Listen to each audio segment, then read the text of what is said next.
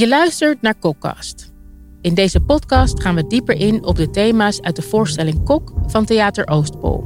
In deze voorstelling wordt John, die jarenlang een relatie heeft gehad met een man, tot zijn verbazing ineens verliefd op een vrouw.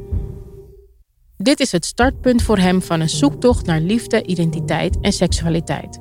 En in deze podcast doen we een poging om het gesprek over seksuele fluiditeit open te breken. Mijn naam is Vinnie Taylor en ik doe dit samen met de programmacoördinator Seks bij Indifferent. Een organisatie die scholen begeleidt op het gebied van diversiteit, inclusiviteit en veiligheid. De 27-jarige Lot Louis Velenturf. Ik ben vroeger uit de kast gekomen als bi, toen als lesbisch, toen als weet ik niet meer. En nu zeg ik dat ik val op charisma. dat is denk ik nog het meest. Ja. Daar denk ik, oh ja, daar ben ik het eigenlijk altijd wel mee eens. Mijn tweede gast is arts, seksuoloog en VVS en auteur. Daarnaast geeft hij als freelance sexual health expert adviezen en onderwijs aan tal van instellingen in Nederland en Vlaanderen.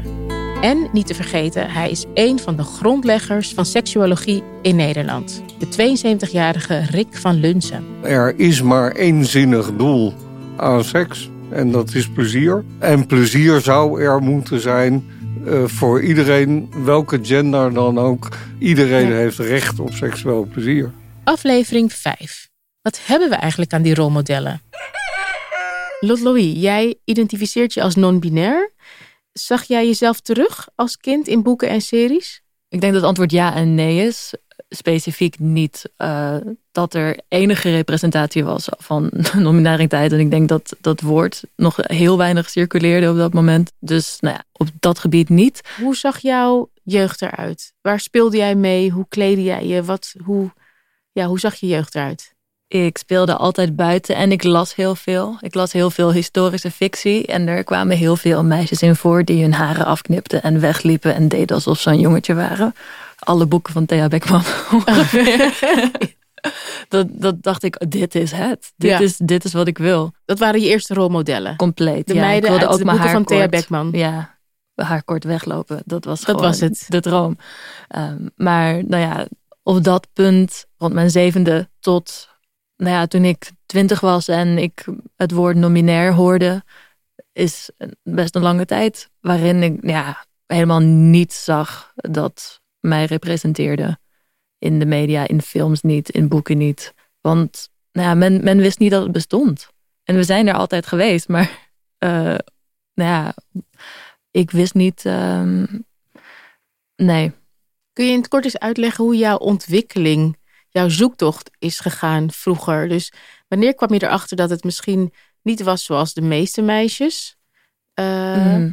Wanneer zag je voor het eerst iemand in een tijdschrift op, een te- op televisie waarvan je dacht: oké, ik zie hier iets in mezelf? Ik heb één hele duidelijke herinnering dat ik tv aan het kijken was. En dat ik dacht, het was een hele terloopse gedachte. Maar dat ik dacht, ah, misschien ben ik wel jongetje. En toen dacht ik, nee, dat is het ook niet helemaal. En toen wilde ik later wilde ik graag voetbal spelen. Maar op dat moment was ik borstjes aan het krijgen. En toen mocht ik ineens niet meer meedoen met de jongens. Wat ik niet kon begrijpen. Je Dus ik zat dacht, al op voetbal.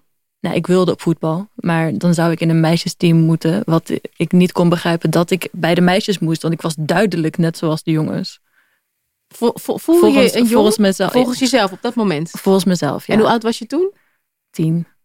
Maar toen dacht ik, oh ja, ik heb wel een ander lichaam en ik zie ook dat ik borstjes krijg en ik moet er van mama ook een BH'tje. dus nou ja, dat kon dan niet. En toen op de middelbare school zag ik alle meisjes die iets ouder waren, die make-up begonnen te dragen en hun haar op een bepaalde manier begonnen te doen. En ik probeerde dat ook, maar ik kon het ook niet zo goed. Daar liggen niet mijn talenten. Eh, ik voelde me altijd een mislukt meisje. Omdat ik ook wist van ja, een echt jongetje, dat is het niet, dat ben ik niet.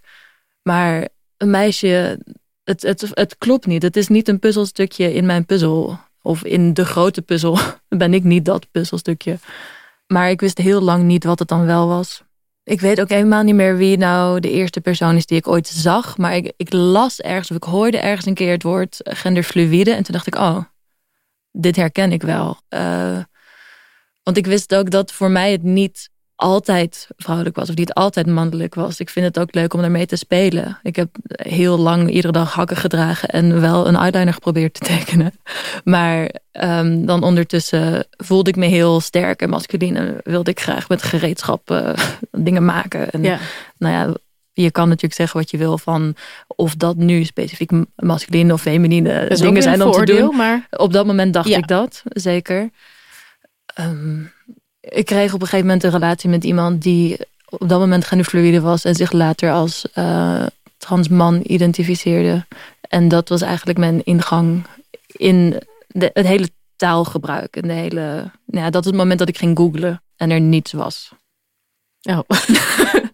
Hoe, hoe oud was je toen? Ja, 1920, zoiets. en toen was er nog steeds niks. Nee, er was één hele vage enquête die werd gehouden op een forum. Over, en dat ging dan over voornaamwoorden. En toen hadden ze met z'n allen gekozen voor hen, hun. Dat dat dan het beste was. Eh, dus toen dacht ik, oh oké, dit kan ik gebruiken in een gesprek. Eh, Dat is nog maar heel recent, hè?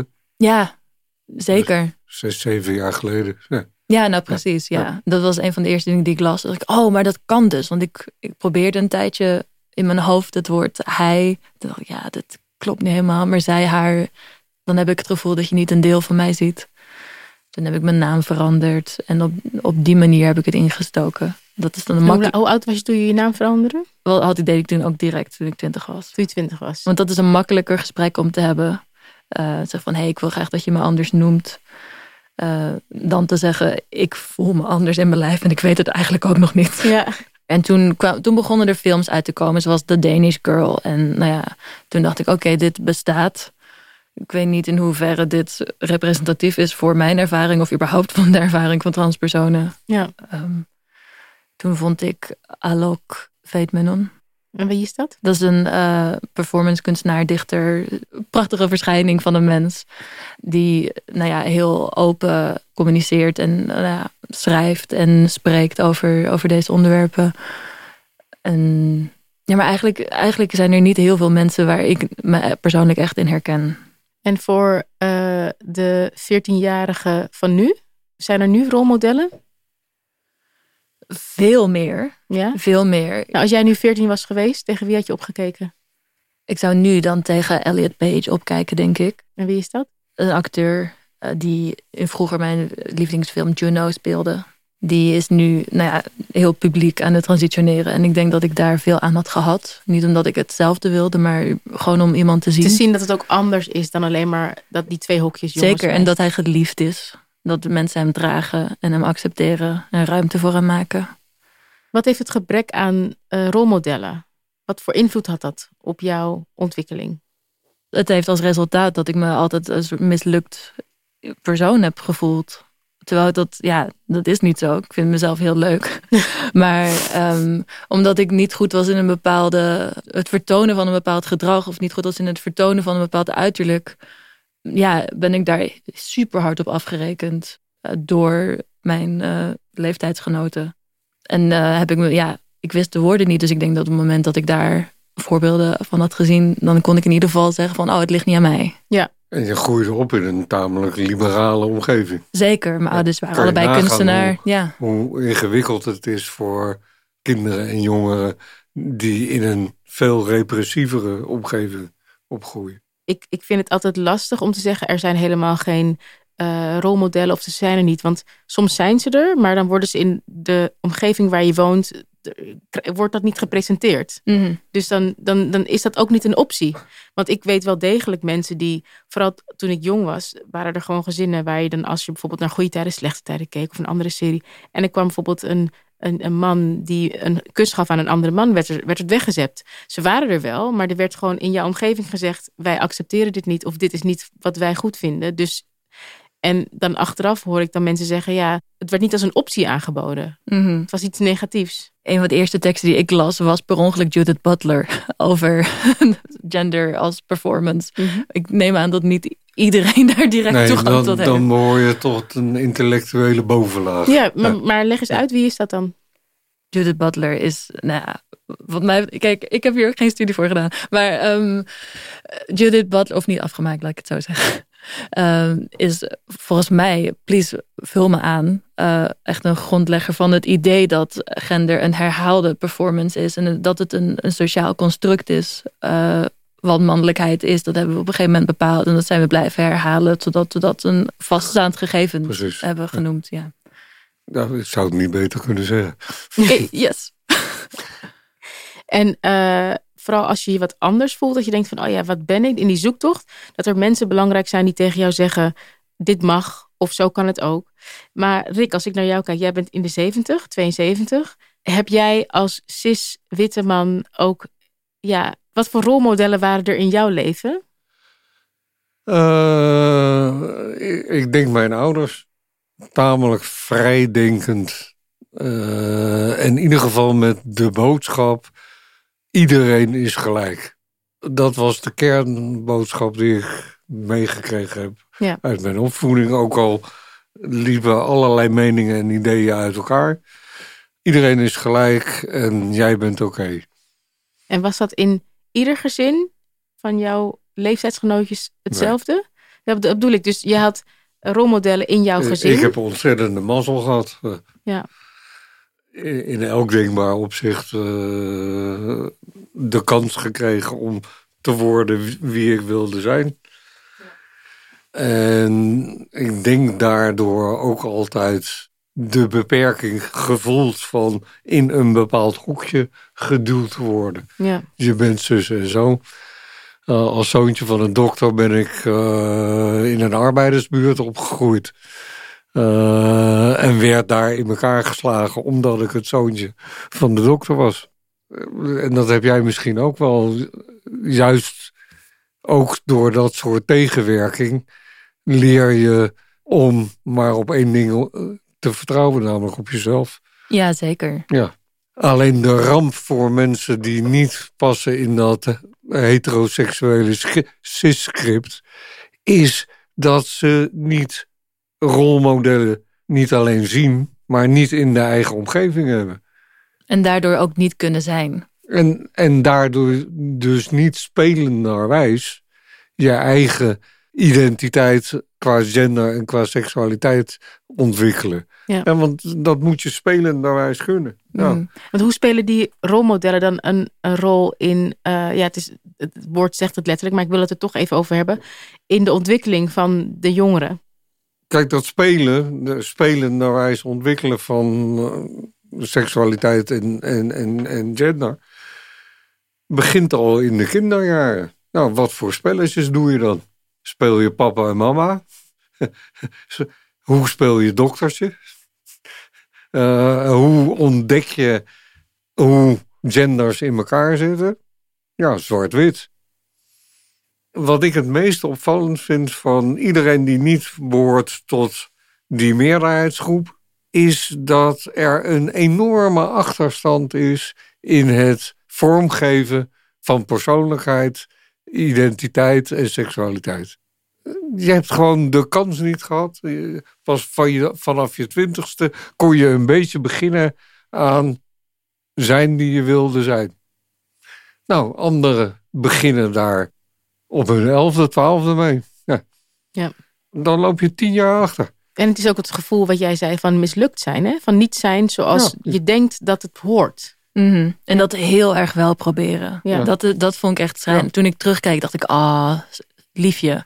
Ja. Ja. ja. ja. Terwijl daarom vind ik het zo leuk dat ik ook echt voor een klas kan staan. Want we, had, ja, we hebben in een eerdere aflevering gehad over dat het wel toegestaan is voor mensen met een non-normatieve identiteit om als performer, weet ik veel, gezien te worden. Maar niet in een echte machtspositie. Ja, ja. En ik op vind de het, kermis mag het wel, Precies. Maar, maar niet hier. maar Ja. op het moment, ik vind het heel leuk. Weet je, ik mag ook aan tafel zitten met de gemeente waarin ik vertel van hé, hey, zo is het voor mij. En nou ja, ik spreek niet voor de hele community, maar ook dat inderdaad de leerlingen zien van hé, hey, dit is iemand die mij dus wel iets kan vertellen. Dit is iemand die kennis heeft die van belang lijkt is. bijna een normaal mens. Bijna. Bijna. Ja.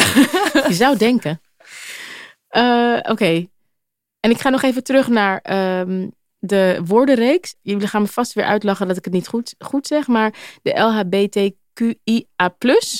Yes. Oké, ja, oké. Nee, ik heb hem goed gezegd. Ehm, de conclusie van volgens mij in aflevering 1 was dat we daar eigenlijk van af moeten, van die hokjes. Maar je ziet toch dat als kind je ontwikkelt, je wil graag iemand zien die op jou, jou lijkt. En als we dan terugkijken naar die, die letters uh, en de rolmodellen, dan zijn er voor sommige letters zijn er heel veel rolmodellen. Bijvoorbeeld voor de L en de H zijn er volgens mij heel veel rolmodellen. Maar bijvoorbeeld voor de B, biseksueel, wie zie jij in de, in de series of zo, of in boeken die ervoor uitkomt biseksueel te zijn? Niet zoveel, maar Precies. ik was groot fan van Megan Fox.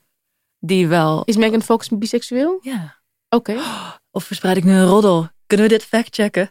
Nou. Oké, nou, ik heb daar mijn, mijn redacteur zitten, dus die kan het even factchecken. Google Megan Fox, eh, biseksueel. Ehm, het lastige vind ik van rolmodellen is. Kijk, ik ben een zwarte vrouw. Rolmodellen die kunnen. Oh, wat? Ik krijg een duimpje van mijn redacteur. Ja, Megan Fox is biseksueel. Oké, Kijk. Oké, nou, dan weten we dat ook. Oh, je hebt even gegoogeld. Ja, heel goed, heel goed.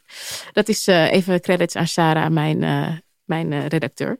Ja, dus het belangrijke is, vind ik, aan, uh, lastige vind ik van rolmodellen is, sommige dingen zijn heel zichtbaar. Stel dat jij in een rolstoel zit als kind en je denkt, ik zie niemand of ik zie, ik moet, ik moet rolmodellen hebben. Dan kan ik heel duidelijk zien, oké, die persoon zit in een rolstoel, die persoon niet. Of als iemand van kleur, hè, ik zie iemand van kleur, ik zie niet iemand van kleur. Maar bijvoorbeeld bij sommige uh, identiteiten, die zie je niet. Hoe kun je dat dan zorgen dat die, dan, dat die kinderen ook die rolmodellen krijgen? Bijvoorbeeld biseksualiteit zie ik niet moet dat dan worden uitgesproken? Maar dan zeggen mensen misschien weer, ja, ik wil niet zomaar uitspreken. Waarom zou ik uitspreken dat ik biseksueel ben? Ja, ik denk dat je daarmee precies het dilemma van die hokjes uh, verwoordt. Uh, aan de ene kant zijn die hokjes kennelijk nodig in een emancipatiestrijd. En aan de andere kant moeten we er vanaf.